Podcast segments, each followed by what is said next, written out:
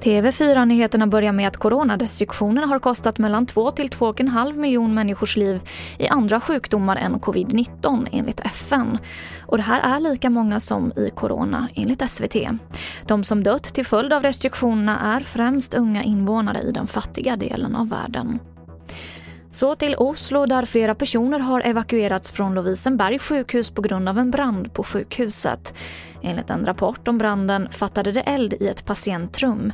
Nu är branden släckt och ingen person har rapporterats skadad. Och vi avslutar med att det blev svenskt VM-guld i sprintstafetten. Damernas stafettlag med Maja Dahlqvist och Jonna Sundling segrade i en dramatisk avslutning där Jonna Sundling lyckades spurta ifrån konkurrenterna. Vår reporter Max Grindahl är på plats i Oberstdorf.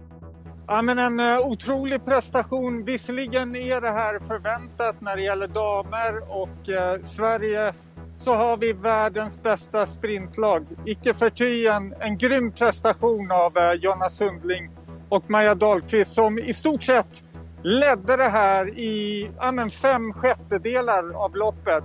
Imponerande. Och det var det senaste från TV4 Nyheterna. Jag heter Emily Olsson.